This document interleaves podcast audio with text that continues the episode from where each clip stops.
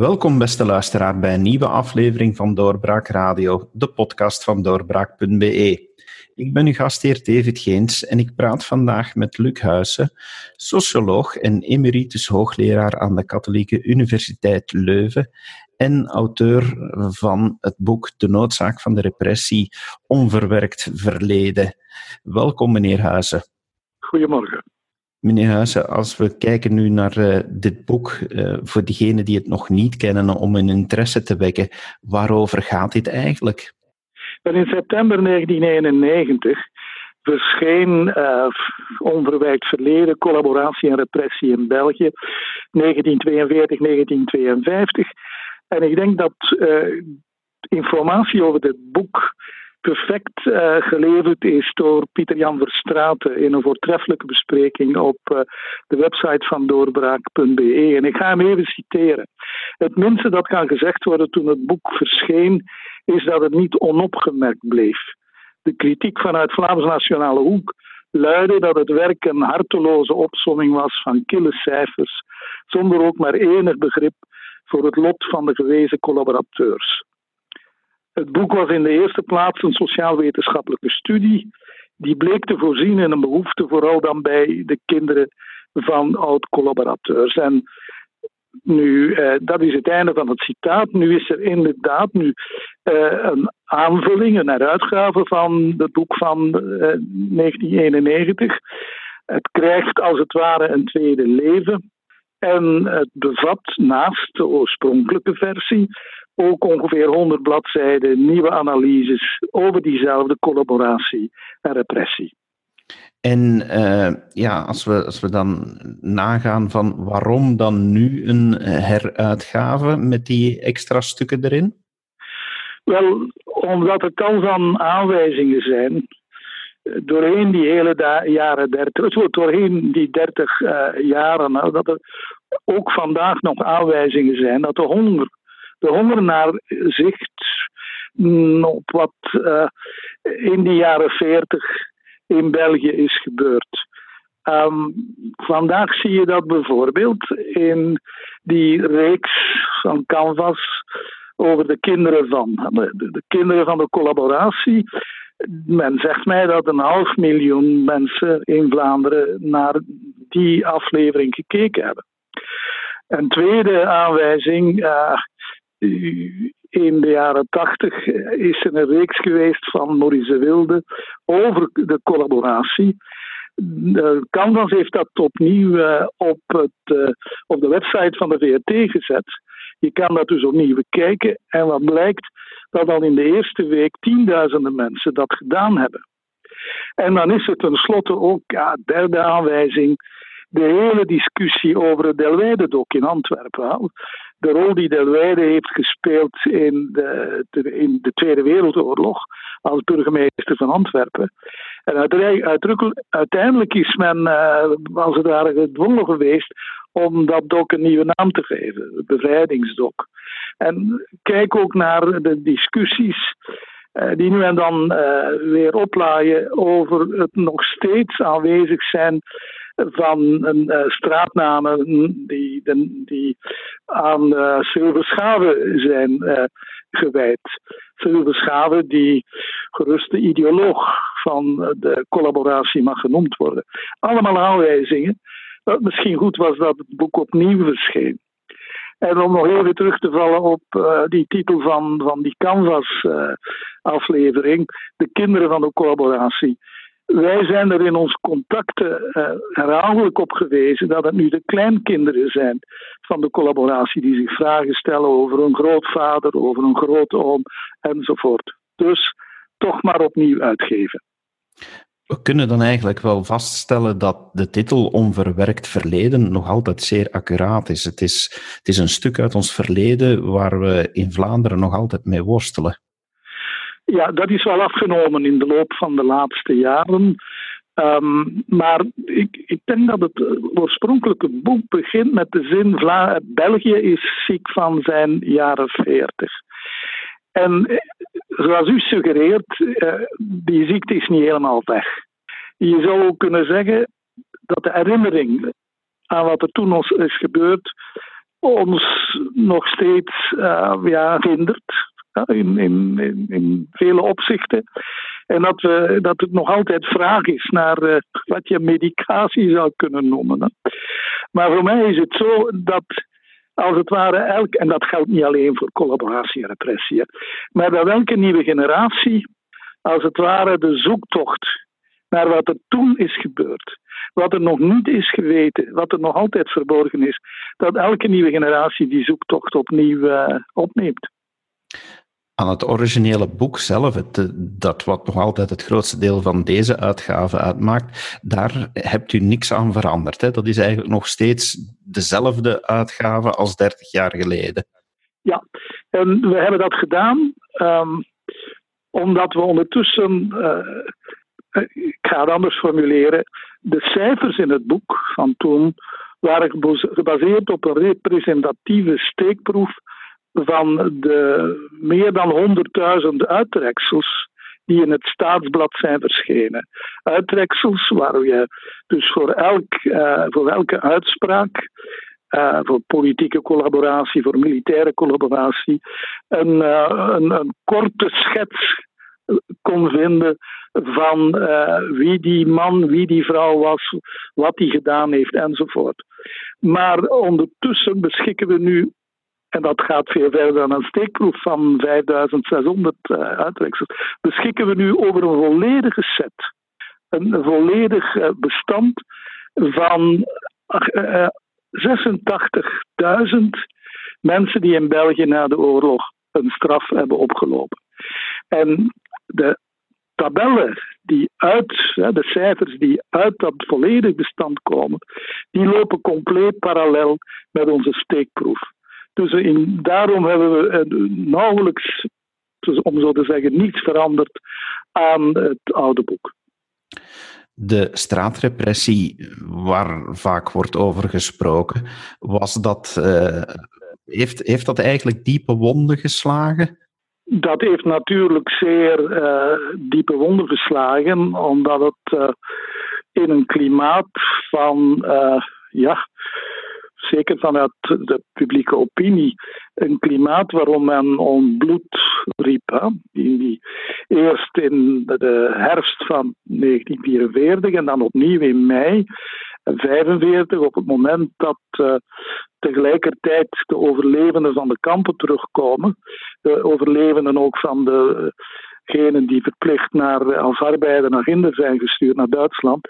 En ook van de Oostfrontstrijders en anderen die uh, in, in Duitsland uh, van de lente 45 zijn aangehouden. Dus uh, dat heeft zeker ook een rol gespeeld.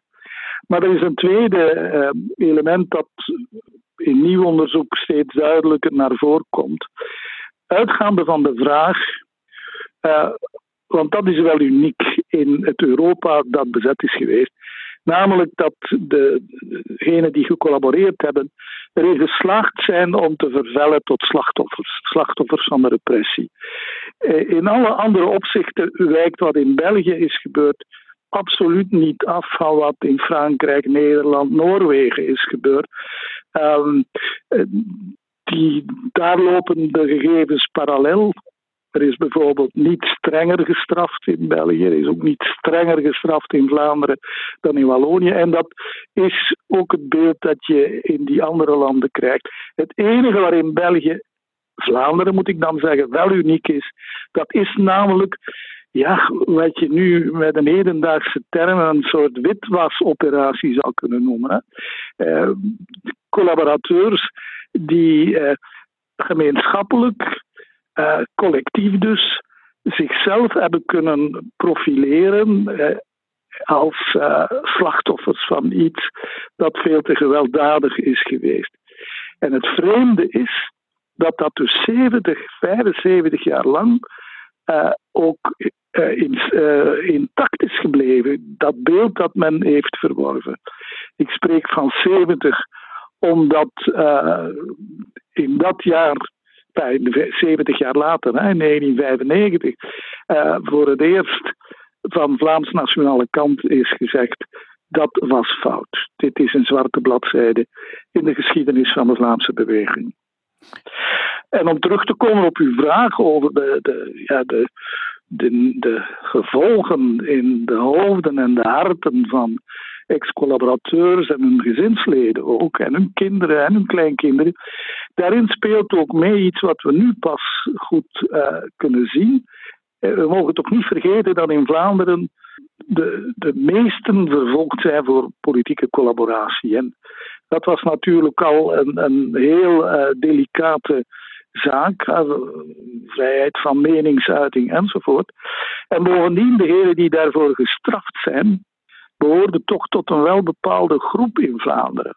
Dat waren niet de arbeiders, dat waren ook niet middenstanders, dat waren de leerkrachten, de onderwijzers, de, de, de mensen uit de cultuursector. Eh, dat waren meestal ook mensen die voortgezet onderwijs hadden gevolgd, die ook een bepaalde levensstijl gewoon waren. En die dan plots in interneringskampen terechtkomen. Tot en met ook de, de, de, de apenkooien in, in Antwerpen.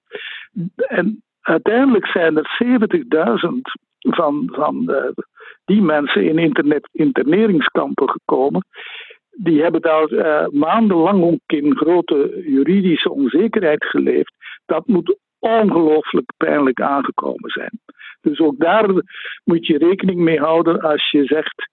De, de, het probleem is niet weg. Het staat nog steeds op onze historische agenda. Hoe komt dat toch dat het zo moeilijk blijft om die bladzijde om te slaan? Wel, omdat uh, het is niet zo dat er nog veel ex-collaborateurs leven. Hè. De tijd doet zijn werk. Wij gaan ervan uit op basis van ons groot databestand dat, uh, dat wie nog leeft ja, in de negentig is. Maar natuurlijk een deel van het besef uh, dat, men, dat men geleden heeft, is doorgegeven aan de kinderen en aan de kleinkinderen. En dat heeft in die families verschillende, uh, ja, tot verschillende ontwikkelingen geleid. Je hebt nog steeds uh, die, de kinderen en de kleinkinderen die dat idee van slachtofferschap verder uh, doorgeven. Je hebt aan de andere kant gezinnen die gezwegen hebben, die compleet dichtgeklapt zijn en waarvan de kleinkinderen nu in de kasten van hun ouders uh, documenten vinden waarvan ze de, toch denken: wat is er in godsnaam gebeurd? En tenslotte, dat is heel vreemd, heb je ook gezinnen van oud-collaborateurs uh, en uh, kleinkinderen die men helemaal de andere richting is uitgegaan, waar men zich afgekeerd heeft van het gedrag van de vaders en de grootvaders. Dus uh, dat maakt dat amalgaam van verschillende ont ontwikkelingen, familiaal gezien, maakt dat het een moeilijk hanteerbare periode blijft. En ik zou er toch ook willen op wijzen, dat zegt ook Pieter Jan Verstraeten, um, wij, wij beschrijven de ontsporingen die de repressie heeft veroorzaakt in de eerste 18 maanden na de bevrijding. En die ontsporingen uh, zijn geweest veel te, uh, veel te harde bestraffing. Die ontsporingen zijn ook geweest, men vergeet dat soms, grote rechtsongelijkheid bij wie voor de rechter en, en de krijgsauditeurs uh, kwamen. Uh, het zijn de kleine vissen die het eerst zijn aangepakt en die het zwaarst gestraft zijn. En soms ging dat heel ver. Er zijn een twintigtal oostfronters die uh, al in België waren. Sommige daarvan waren gedeserteerd uit het Duitse leger. Die zijn onmiddellijk aangehouden en twintig daarvan zijn ook geëxecuteerd. Terwijl degenen die bleven, blijven bleven doorvechten en in mei 45 terugkwamen, allemaal in 1950 eh, vrij waren. Dus het is ook naast het feit dat het voor, uh, voor, voor de meesten geleden is, is er ook het feit van grote rechtsongelijkheid. Het zijn de grote vissen die uh, de, duurste advocaten hebben kunnen betalen en die pas in 1947 zijn veroordeeld. Toen het klimaat, het, uh, toen men niet meer om bloed riep, toen het klimaat compleet gekeerd was. onder meer door de Koude Oorlog die begon enzovoort.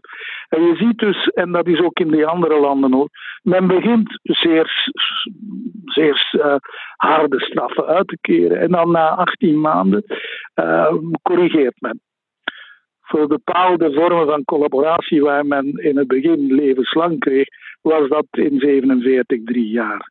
Mhm. Dus grote onzekerheid, eh, grote ongelijkheid ook. En een totaal. Uh, ja, een mix van reacties daarop, wat maakt ja, dat het blijft leven. Ja, als ik nu even terugkeer naar uw boek, het is uh, nu uitgebreid met drie bijdragen van Bruno de Wever, Koen Aarts en Pieter Lagroux. Uh, hebt u die drie geselecteerd of aangeschreven om, een, om een stuk bij te schrijven aan uw boek? Ja, er was meteen de, de, de zekerheid van mijn kant en, en de, man, de tweede man in de redactie, Steven Dont dat wij beroep moesten doen op wie in Vlaanderen uh, de, die laatste dertig jaar bezig geweest is met, uh, met uh, de, de collaboratie en de repressie. En dan duikt natuurlijk meteen ook de naam van Koen Aarts op. Zijn boek over de kinderen van de collaboratie, zijn boek over op basis van zijn doctoraat. Het boek uh, was Opa een nazi en zo. Uh, de man die heel veel onderzoek heeft gestimuleerd is, uh, is Bruno de Wever.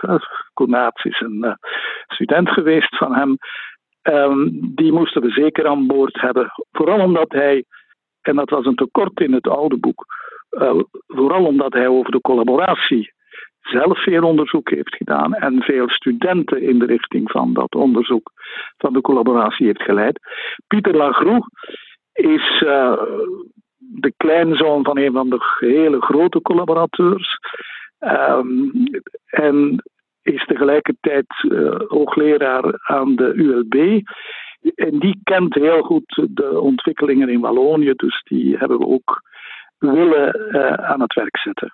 In een bespreking van, van het boek, dat, dat u reeds vernoemde, van Pieter Jan Verstraten, daar, uh, daar wordt hij geschreven dat de, de huidige historici uh, natuurlijk met een andere bril kijken dan 30 jaar geleden werd teruggekeken naar die jaren 40.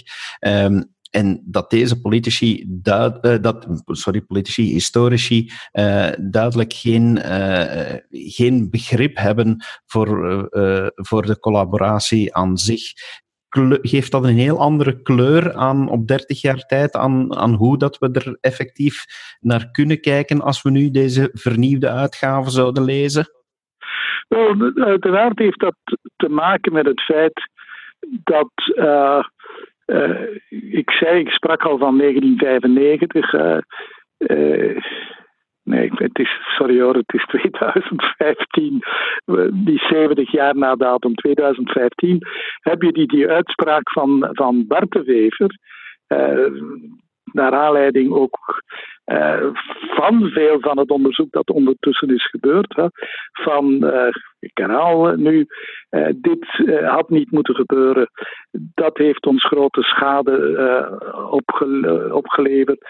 En natuurlijk ook dan uh, in de discussie over. Uh, zitten we dichterbij nog in de discussie over het, over het.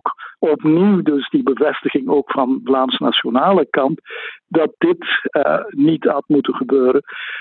Niet alleen onderzoekers kijken er nu anders naar. Er is ook een, een opening bij de, de, de, erfgenamen van de Vlaamse beweging van toen. Hè. En dat verandert wel uiteraard de context waarin er aan onderzoek wordt gedaan nu. Bovendien mag je ook niet vergeten dat er de laatste jaren ook uh, in de, Duitse archieven, in de archieven van Duitsland, Duitse universiteiten, meer informatie is gekomen over de, de, het leven daar van de Oostfronters tijdens de oorlog. En uh, uit veel van die um, archieven blijkt dat het niet anders kan dan dat Oostfronters wel degelijk ofwel de, de, toeschouwers zijn geweest van grove oorlogsmisdaden, of er ook zelf rechtstreeks in betrokken zijn geweest. Met andere woorden, er is een soort, ja, ik zal maar zeggen, en wat Bruno de Wever ook noemt, het trauma van de collaboratie is op dit moment uh, als het ware opnieuw leven, uh, tot leven gewekt. Terwijl het trauma van de repressie, van wat er de ex-collaborateurs is aangedaan, nu anders bekeken wordt. Minder, minder hevig nog is. Hè.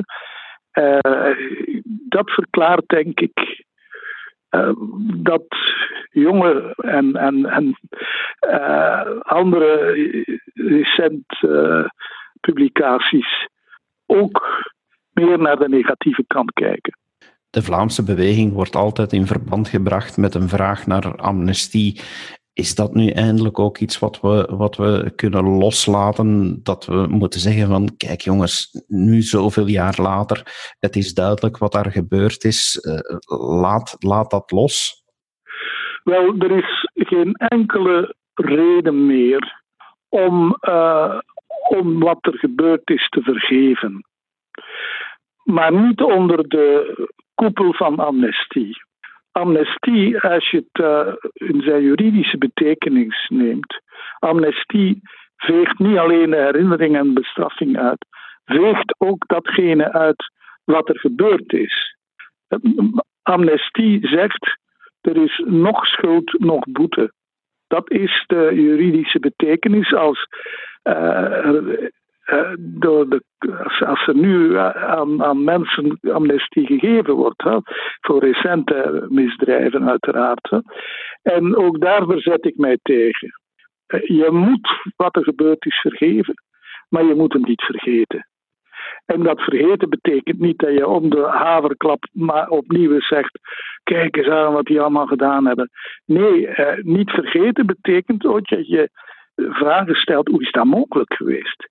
Hoe komt het dat uh, uh, in termen van vandaag bij jonge mensen daar een radicalisering is geweest?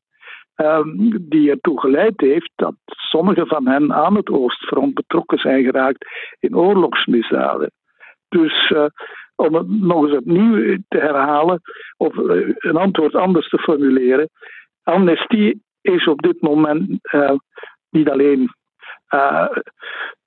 hoe moet ik dat zeggen? Individueel kan dat niks meer uh, meebrengen. Er zijn geen straffen meer die nog moeten gewist worden. Dat is al lang, lang, lang gebeurd.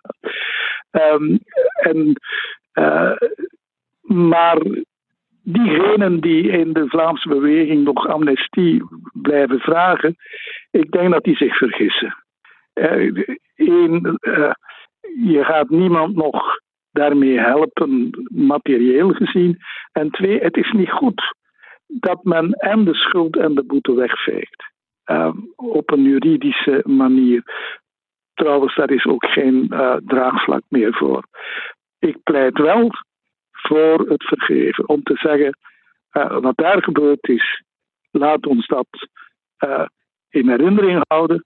Laat ons dat gebruiken om ons vragen te stellen. Bijvoorbeeld over de Syrië-strijders vandaag. Bijvoorbeeld over de rol van de magistratuur enzovoort.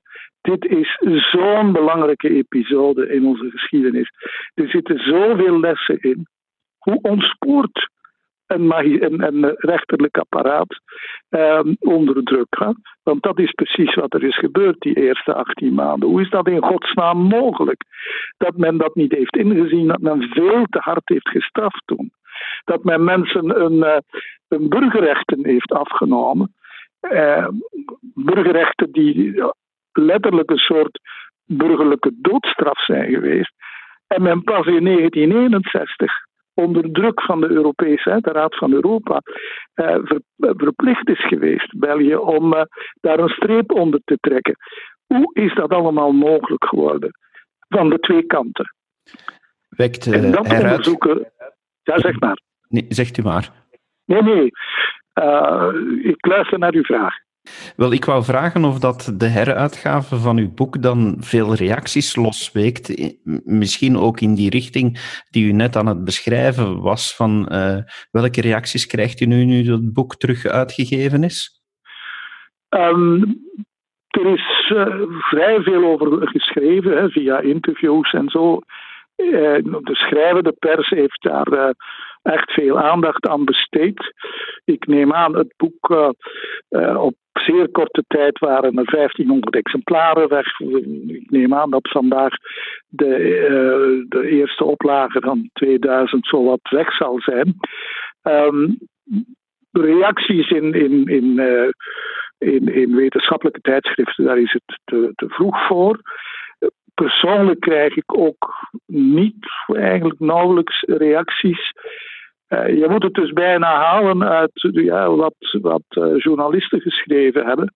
En dat gaat toch wel in de lijn van um, wat ik daarnet schetste. Laten we toch maar die vraag blijven stellen hoe dat aan de twee kanten mogelijk is geweest. Dat is inderdaad heel duidelijk uh, dat die vraag uh, moet blijven gesteld worden. En meneer Huizen, dank u wel om toelichting te geven bij de heruitgave van, van uw werk. Ik heb dat graag gedaan. En uw beste luisteraar, u kan dit boek uiteraard uh, nog altijd kopen in de boekhandel, de online boekhandel van Doorbraak. Uh, Luc Steven Dont, uh, Collaboratie en Repressie in België van 1942 tot 1952. De titel is Onverwerkt Verleden, de uitgever is Kritak. dus rep u naar onze site en bestel het boek als u dat nog niet gedaan hebt, want het is echt wel de moeite waard om het te lezen, zeker met de nieuwe bijdrage van Bruno de Wever, Koen Aarts en Pieter Lagroe. Dank u wel om af te stemmen op onze podcast en graag tot de volgende. Dag. Dit was een episode van Doorbraak Radio, de podcast van doorbraak.be. Volg onze podcast op doorbraak.be/slash radio of via Apple Podcasts, Overcast of Spotify. Bezoek ook onze website op doorbraak.be en steun ons door een vriend te worden van Doorbraak.